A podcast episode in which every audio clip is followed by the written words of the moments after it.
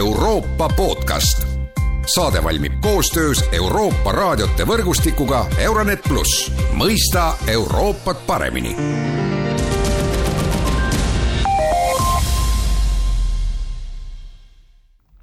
tere taas kuulama Euroopa podcasti, hiljuti avaldas Euroopa Komisjon oma majandussoovitused liikmesriikidele, sealhulgas Eestile. Nende soovituste sisu ja tausta on tulnud stuudiosse kommenteerima Euroopa Komisjoni Eesti esinduse majandusnõunik Ave Sank-Lukas, tere päevast! tere päevast! ja mina olen Erkki Pahovski. alustame kõigepealt üldiselt, et äh, komisjon pööras tähelepanu igale liikmesriigile eraldi, aga noh, andis ka sellises sissejuhatuses või ülevaates siis äh, sellise hinnangu ka Euroopa Liidu üldisele olukorrale ja noh, peatähelepanu muidugi läks Ukraina sõjale, sellest põhjustatud energiahindadele, inflatsioonile ja nii edasi, no Ave Sank-Lukas, mida sealt võiks veel välja tuua, et mis need põhiprobleemid on, kui me räägime Euroopa Liidu üldisest majandusest? jah, kõigepealt äh, tegemist on iga-aastase sellise tsükliga, äh, mille eesmärgiks on koordineerida Euroopa Liidu majanduspoliitikat, et siis vältida seda, kus äh, osad riigid hakkavad kõrvale kalduma ühiselt seatud kursilt, et siis tagada Euroopa Liidu majanduse stabiilsus ja noh, tegelikult need prioriteedid on läbi aja jäänud samaks, ka sel aastal on need endiselt äh, Äh, keskkonnahoid, äh, Euroopa Liidu majanduse tootlikkus, äh, õiglus ehk siis sotsiaalne pool ja, ja siis makromajanduse selline üldine stabiilsus. Ja need juhised äh, tuginevad äh, paar nädalat varem avaldatud äh, majandusprognoosil,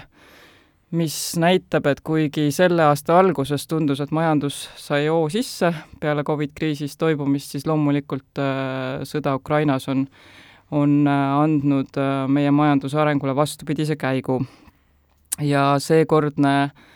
Euroopa poolaasta tsükkel ongi selle tõttu äärmiselt keeruline, et, et niivõrd palju on neid väljakutseid, ajalooliselt kõrged energiahinnad, mis on toonud kaasas kõrge inflatsiooni, riikide võla suurenemine, kallim laenamine seetõttu ja need kõik mõjutavad majandusaktiivsust ja, ja vähendavad inimeste ostujõudu ja võiks öelda, et, et nagu keeruline on, on ka nii komisjonil neid soovitusi anda kui ka riikidel siis endal, kes peavad leidma sellise sobiva poliitikate kogumi, et, et selliseid vastandlikke olukordi kuidagi tasakaalustatult äh, lahendada, et noh, on seal näiteks energiahindade leevendamine äh,, Äh, on vaja sellele leida mingi lahendus ja teisest küljest siis tagada energiajulgeolek. või kui võtame makrostabiilsuse, siis ühest küljest on vaja, et eelarve liiguks ma-, äh, tasakaalu poole, samas ta peab olema paindlik, et ikkagi see toetus äh, nõrgematele ühiskonnagruppidele tagada ja seda kõike arvesse võttes siis on komisjon tulnud euroala liik-, riikidele välja sellise viie üldise soovitusega, ja siis iga riigi kohta eraldi veel äh, eelarvekavadele arvamused, aga need viis soovitust siis puudutavad esiteks eelarvepoliitika koordineerimist, et oluline on, et riigid tegutseksid äh, ühiselt selleks, et tuua inflatsioon tagasi sinna kahe protsendi juurde, teiseks on äh, riiklikud investeeringud vaja säilitada, nii siis riigieelarvest rahastatud kui ka kasutada aktiivselt Euroopa Liidu eelarve poolt pakutavaid võimalusi et siis oma majanduse konkurentsivõimet tõsta, äh, kolmandaks ähm, äh, toetused siis kodumajapidamistele ja ka ettevõtetele, mis peaksid olema selliselt sihitud, et ikkagi toetada nõrgemaid ja see on oluline selleks, et säilitada see hinnasignaal, et energiatarbimist optimeerida. neljandaks on sotsiaalteemad, ehk siis palgadünaamikat proovida selliselt toetada, et, et ühelt poolt on kaitstud ostujõud, aga teiselt poolt ei tekita nagu lisasurvet inflatsioonile, siis samuti ka ajada aktiivset tööturupoliitikat ja pöörata tähelepanu oskustele, et see on midagi, mis me Covid kriisis õppisime, ja, ja viimaseks siis makromajanduslik stabiilsus, mille poole on ikkagi vaja liikuda no stabiilsus on kahtlemata oluline, komisjon toob tegelikult äh, oma ülevaates eraldi Eesti välja ja, ja noh, tõstab seda esile, et noh, et Eestil on probleeme, noh mainides ära muidugi Eesti kõige kõrgemat inflatsiooni euroalas, et, et miks see niimoodi on läinud, et kui võtta nüüd väga üldiselt? no Eesti esiteks ei ole ainuke, kes on välja toodud, neid riike on veel, aga, aga tõepoolest, et ähm, komisjon on otsustanud Eesti puhul läbi viia sellise põhjalikuma analüüsi. ja see on sellepärast, et noh, tõesti mitmed näitajad, mille puhul siis hinnatakse, mis võivad viia selle tasakaalustamatuseni, on Eestis viimasel ajal halvenenud, et äh, no Eestis on kõrge inflatsioonimäär, seda ka võrdluses euroala keskmisega, mis siis või vi-, on juba viinud tegelikult Eesti konkurentsivõime halvenemiseni, et me näeme ise, ettevõtted ütlevad, et nad ei ole enam konkurentsivõimelised. ja seal on siis kombineeritud palgakasv ja üldine tööjõukulude kasv ja potentsiaalne riskiallikas on ka ela, eluasemeturg, sest noh, seal on kiire hinnatõus, aga nüüd on oht, et kui see peaks liikuma vastupidises suunas, et et lihtsalt Eesti majandus on päris selline reaktiivne, pisikese avatud äh, majandusena ja ja seetõttu võib-olla need šokid on avand-, avaldunud kiiremini. aga see, et nüüd komisjon sellel põhjalikuma analüüsi läbi viib, iseenesest ei noh, ole veel põhjust nagu seda analüüsi tulemust ette aimata, et ikkagi oluline on aru saada nendest juurpõhjustest, mis on viinud selleni no komisjon annab Eestile mitu soovitust ja noh, võtaks äh, mõne nagu eraldi luubi alla äh, siis komisjon räägib sellest, et äh, Eesti eelarve võiks saada siis sellist pühi, püsirahastusallikaid, ehk siis neid investeeringuid võiks olla rohkem, neid püsivaid investeeringuid, et et äh, kuidas, äh, kuidas sa seda kommenteerid? No esiteks, komisjon toob selle positiivsena välja, et Eesti on planeerinud säilitada ka riigieelarvest ikkagi investeeringud oluline on kiiresti võeti nüüd kasutusele võtta erinevaid Euroopa Liidu rahastusallikaid, et, et seal just oktoobris Eestil sai heaks kiidetud struktuurifondide järgmise mm, perioodi siis tegevuskava, sealt on juba mõned meetmed käima läinud, selle raames ka õiglase ülemineku fondi alt näiteks suurettevõtete meede, aga nüüd see taastekava, et, et selle, selle raha kasutamine on natuke toppama jäänud, et seal Eesti on seda kava muutmas et loodetavasti see saab tehtud võimalikult kiiresti, et siis ka, ka need rahad saaksid liikuma Eesti poole. aga mida komisjon on Eesti puhul äh, nagu natuke sellise mm, hoiatavana või noh, soovitusena siiski välja toonud, on, et et kui suvi, suvel anti eelarvepoliitiline soovitus, siis seal oli just ära märgitud, et, äh, et erinevaid toetusmeetmeid peaks paremini sihtima ja noh, praegu need toetusmeetmed on olnud üldised. sihtima selles mõttes, et tuleb leida mingisugune grupp või objekt või nii edasi, kuhu, kuhu see raha suunata, jah? just, et nagu ma enne ka mainisin, et oluline on säilitada hinnasignaal turul et kui me lõikame nüüd selle hinnatõusu maha kõigil ühtlaselt, siis kaob see motivatsioon, et me otsime kohti, kust, kuidas energiatarbimist optimeerida üleriiklikult ja ka igas majapidamises et seetõttu jah, on oluline edaspidiseks, et kui neid meetmeid planeerida jätkuvalt, et nad oleksid siis nõrgematele ettevõtetele või kodumajapidamistele suunatud. No üks äh, valdkond, millest Euroopa Komisjon räägib Eesti puhul päris palju, on sotsiaalne äh, valdkond äh,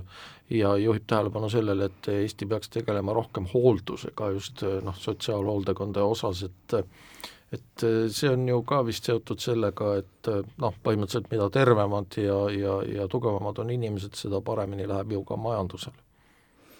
Äh, nii on jah, see sotsiaalteema ilmselt viitate siin riigipõhistele soovitustele, mis sellesama Euroopa poolaasta protsessi raames siis iga kevad antakse, et seal viimasel paaril korral tõepoolest sotsiaalvaldkond on, on välja joonistunud ja just see pikaajalise äh, hooldus äh, siis reform, et seal mõned meetmed Eesti taastekavas on sees, aga jah, et see on midagi, mida komisjon, ütleme, hoiab luubi all Eesti puhul, et et seda valdkonda ikkagi reformida. No üks suur teema mitte ainult Eestis, vaid ka terves Euroopa Liidus ja, ja ka muidugi maailmas on rohepööre, et mida siis eh, Euroopa Komisjon soovitab Eestil nagu rohepöördega seoses teha, noh see, see küsimus ei ole lihtsalt puhtalt teoreetiline, sellepärast et me ju tunneme ja näeme seda kõike omal nahal, et kuidas energiahinnad lähevad üles ja küsimus ongi, et kuidas siis nende vastu võidelda, et, et kas siis peaks siis kiirendama rohepööret või siis äh, minema tagasi fossiilkütustele ja nii edasi ja nii edasi, et mis see komisjoni retsept on? No komisjoni suund ei ole muutunud, et endiselt me püüdleme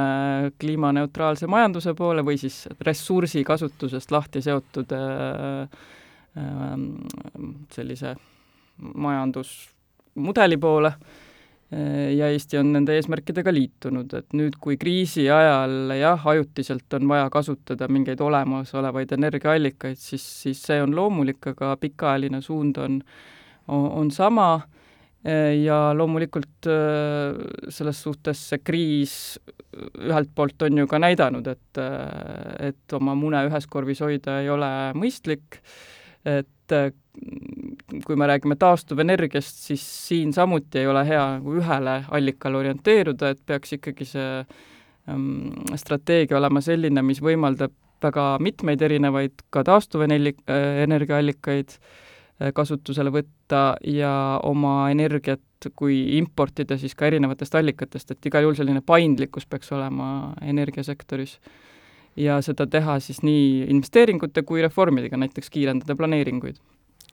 no me räägime ka sellest, et äh, Euroopa Komisjon äh, on tulnud ju välja ka uute eelarve arvestamise reeglitega ja siin on, nagu ma saan aru,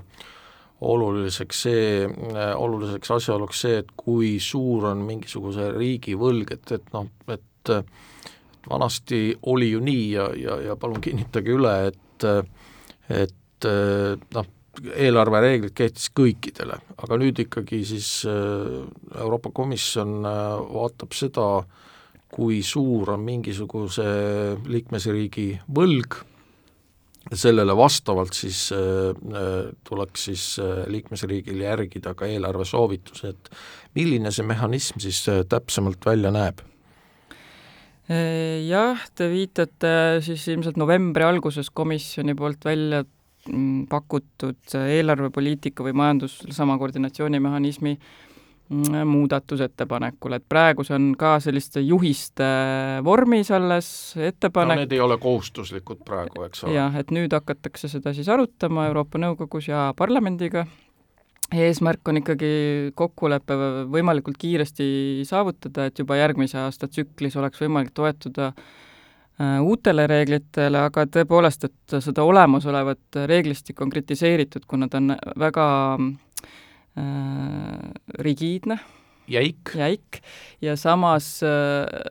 ei ole viinud riigivõlgade vähenemiseni, et võlad on kogu aeg kasvanud, ka nüüd võrreldes eelmise majanduskriisiga, praegu on meie äh, võlatase väga palju kõrgem, et näiteks seitsmel liikmesriigil üle saja protsendi SKP-st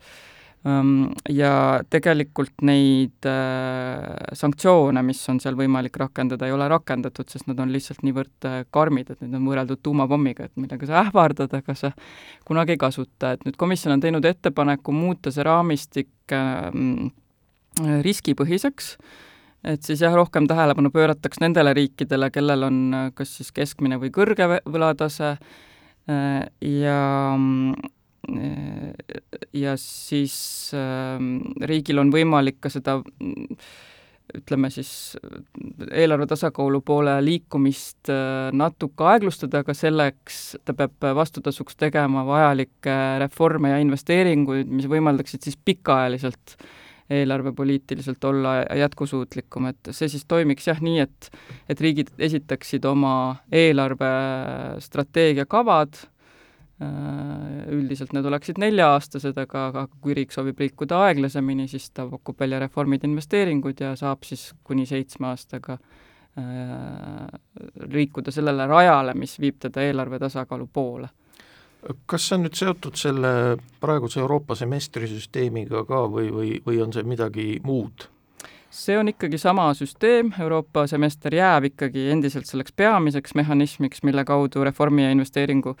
progressi hinnatakse, endiselt on riigipõhised soovitused, millele riigid peavad vastama, ehm, aga siis äh, eelarvepoliitika jälgimine muutub sihitumaks. Ja teiseks ehm, nende eelarvepoliitiliste soovituste vajadus kaob siis nende riikide puhul, kes oma plaane täidavad, et et natukene lihtsamaks loodetavasti läheb see süsteem. No loodame parimat, selline oli tänane Euroopa podcast, aitäh, Ave Sank-Lukas stuudiosse tulemast, kõike head ja kuulmiseni!